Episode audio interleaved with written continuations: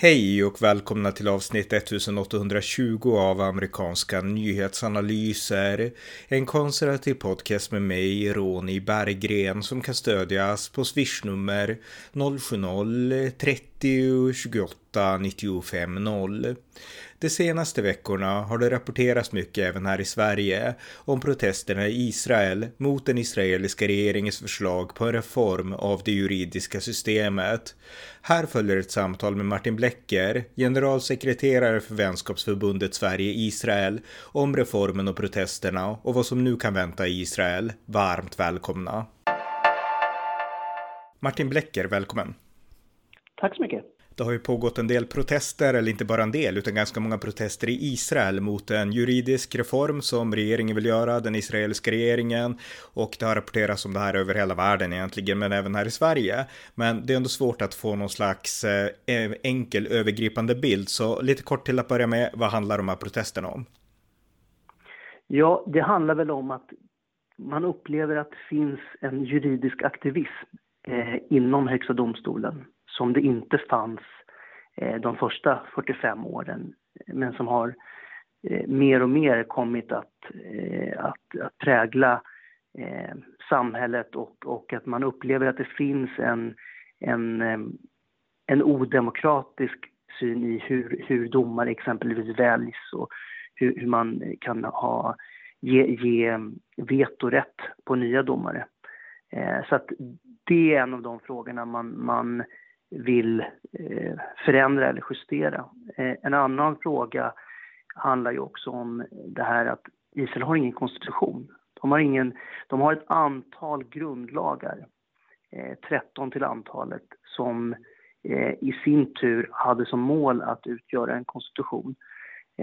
Men en formell konstitution har man inte, så det betyder att det finns ingen delning mellan vad är den ex exekutiva maktens ansvar, vad är den legislativa makten och vad är den juridiska maktens ansvar. Så att Högsta domstolen kan i princip eh, ha åsikter om allting just nu. Just det, okej. Okay. Och det är det då som den israeliska regeringen som är en högerregering vill reformera. Och det jag läst är ju att det här domstolssystemet, det är inte så känt i Sverige eller i väst att det är så, men i grund och botten så är det domare som har haft makt under väldigt lång tid och som egentligen hade enhällig makt när Israel var med vänster för ja, men 30, 40, 50 år sedan.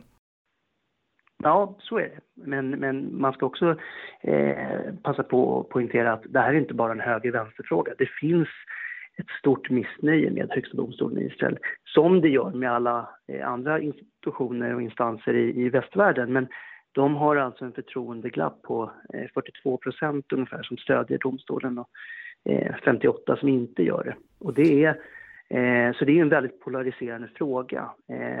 Jag tror att väldigt många från vänstern, centern och högern vill reformera domstolen men man går ut i protester av två skäl. Dels för att det här blir också en indirekt en pro Benjamin Netanyahu-demonstration eller eller anti-Benjamin Netanyahu-demonstration. Det vill säga, de som egentligen vill reformera domstolen vill förmodligen göra det, men det är Netanyahu som kommer med förslaget och de är anti-Netanyahu.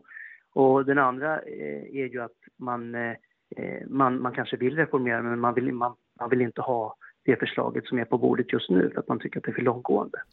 Just det, mycket intressant. Men eh, de här protesterna, för det jag läst är att även Israels president, som inte har jättemycket praktisk makt, men ändå liksom formell makt, Isaac Herzog, även han stöder en form, eller någon slags reform. Och hans ursprung är i grund liksom från vänster, ungefär som du, du var inne på. Så att det verkar ju finnas stöd från, från olika håll, beroende bara på vem, vem budbäraren är. Men varför är det i så fall, om det nu finns ett, eh, alltså man ändå förstår att det finns problem med Israels juridiska system, varför är protesterna mot det här reformförslaget och så stora och omfattande? Ja, eh, dels lite det vi varit inne på, att det är förmodligen en, en, en, en Benjamin Netanyahu, anti-Netanyahu-fråga och framför allt så är det här vänsterns sista bastiljon. Eh, de, du var inne på det, de, har, de ledde Israel 30-40 år och har stad, stadvis, gradvis förlorat makt och nu inte klarar att eh, Eh, vara i regeringsställning utan att vara liksom en koalitionspartner. Man är alltså inte ledande längre. Och domstolarna och medierna har en tendens att, eh, att se det gamla Israel och, och rapportera också från det gamla Israel. Eh, det är ju lite talande att de största demonstrationerna som äger rum, rum det är ju Tel Aviv och Tel Aviv är liksom stadens motor där allting händer. Men det är också där eh, många till vänster röstar. Eh, de flesta som röstar höger eller mitten, de, de, röstar ju, de bor ju i periferin eller i andra städer och där är inte alls demonstrationerna lika intensiva och, och, och lika mycket till antalet. Eh, finns det någon generationsskillnad i synen på det här? För att jag läst någonstans att det är många äldre främst som är emot det här reformförslaget. Ja, det gör det ju. Eh, därför att dels så är det ju, de äldre var ju, det var ju de som byggde upp eh, Israel på ett sätt eh, som vi ser nu idag. Sen är det att de yngre tenderar att rösta mer höger och, eh, och tenderar att stödja en reformering av domstolen i, i, i högre grad. Mm. Jag såg också, alltså rapporteringen i Sverige är ju intressant då därför att, och vi pratar ju ofta om det du och jag när vi pratar, att eh, jag såg ett inslag på TV4 och då presenterade man det här med att säga att hundratusentals israeler protesterade och då mot ett auktoritärt styre. Alltså man menade att om reformen går igenom så blir det auktoritärt i Israel. Men eh, ja, vad, vad tänker du om liksom den beskrivningen av det hela? Ja, alltså, jag har inte riktigt förstått den här beskrivningen, det här med historisk spårbarhet. För, för Israel har ingen konstitution och det är väldigt, väldigt eh, nedsättande att säga att man blir ett auktoritärt styre. Eh, till, till exempel den konstitutionella experten Alan Dershowitz säger att om det här går igenom så är det, då kommer Israel bli lite mer som Kanada och Nya Zeeland. Så jag tror inte att de eh, betraktas som auktoritära. Jag tror inte att man förstår eh, det faktum att det inte finns någon maktdelning i Israel idag och att Högsta domstolen kan yttra sig om exakt vad som helst och har anammat principer eh, som ingen, eh, ingen ser någonstans. Alltså, man kan alltså säga att eh, ja, man kan neka en minister som har blivit vald av folket en, en, en statsrådspost för att man säger men det, det är orimligt. Och eh, grunderna till det här eh, reasonableness i engelska, orimligt, det har man liksom tagit och så har man gjort med prejudikat på. Men det finns eh, ingenstans nå någonting som säger att Högsta domstolen har exempelvis befogenhet att göra det. Och det så att de har tagit de har tagit sig makt och jag tror att folk bara, jag tror även de som är både för och emot reformen vill se någon form av avgränsning. Att Högsta domstolen kan yttra sig i frågor som gäller eh, mänskliga rättigheter men att när det gäller politiska rättigheter eller ekonomiska rättigheter ja, då kanske det ska vara en maktfördelning. Eh, det är, jag tror att det största problemet är att Israel inte har en konstitution och det är där jobbet och, och grunden måste läggas. Men att kalla Israel för auktoritärt styre för att man försöker rätta till någonting som eh, som blivit fel, det, det är bara intellektuell slapphet helt enkelt. Mm, för utifrån din beskrivning så skulle Israel snarare bli mer demokratiskt om den här reformen gick igenom, tänker jag. Men, men jag tänkte också så här, alltså det finns ju, det pratades mycket USA, eller om USA här i Sverige i samband med att USAs högsta domstol då drev igenom, eller avskaffade Roe v. Wade, alltså den här äh, obligatoriska rätten till aborter. Och då kritiserade man i Sverige, USA och man ställde frågor, hur kan det komma sig att den högsta domstolen har så mycket politisk makt? Hur kan högsta domstolens domare sitta på livstid? Och har man den inställningen, då borde man ju nästan vara vara för, alltså den här reformen som man förespråkar i Israel, därför att här så vill man verkligen begränsa domarmakten, liksom på, liksom, alltså förstår du hur jag tänker? Ja, absolut. Men jag, men jag tror att det är, det är en tid, här är det eh, definitivt höger-vänster eh, linjerna. Alltså att här, här blir, det är ju vänsterns sista bastiljon och då blir det en helt annan grej. Hade förslaget kommit från vänstern så tror jag att det hade varit annorlunda. Mm.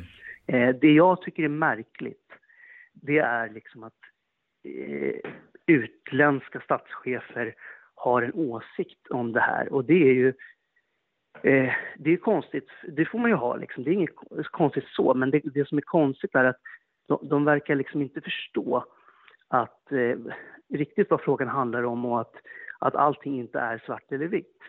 Eh, Tar man USA, som är Israels bästa vän, tvivelaktigt, eh, tvivellöst, eh, de har en åsikt om det här och tycker att det här är att man ska söka konsensus. Men sanningen var ju den att Demokraterna gjorde ju en sak 2013 då man liksom eh, gjorde också en, en, en, fråga om juridiska utnämningar och gjorde det, det till en partisan fråga. Så att ja, jag tror att vi, vi, vi lever i ett samhälle där, där tiden måste gå med förändringen och allting kan inte vara statiskt. Mm. Eh, jag, Mm. Eh, nej, precis. Men jag tänkte också fråga då, alltså hur rimligt, alltså nu när protesterna är så stora, jag har hört eh, om det var någon borgmästare någonstans, någonstans som pratar om inbördeskrig, alltså, om, jag har mest bara läst rubriker då, så jag vet inte detaljerna, men det låter ändå som att protesterna finns och då är frågan, hur troligt är det att den här reformen går igenom? För jag menar, högerkoalitionen, de har en majoritet i Israels riksdag, i Knesset, men räcker det? Alltså, kommer det här att gå igenom? Kommer det att förverkligas?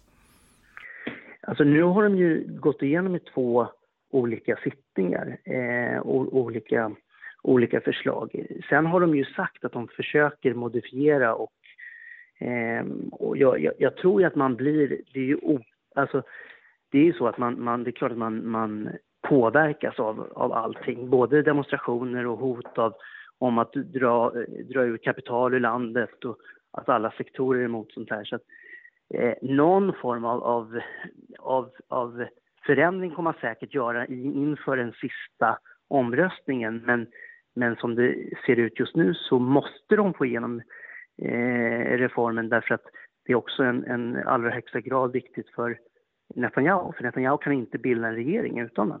Mm, just det. Och ett kort svar på min allra, allra sista fråga då. Om och då när den här reformen går igenom, kommer Israel fortfarande att vara en fri demokrati för fria människor? Det är ett enkelt svar, men det kan, ja.